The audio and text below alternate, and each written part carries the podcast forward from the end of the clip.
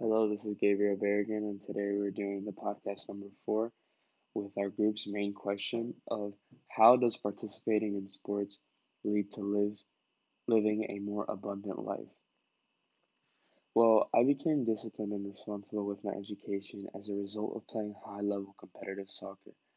I would not be allowed to participate in training sessions or games if my grades were not at, a, at my parents' standards. While I played for my school, I was required to have a C or above to participate in the high school League of Virginia. I always struggled with time management, but as classes and training became much harder for me, I began to focus on my future and put an extra effort to come out on top and set the example for other young student athletes.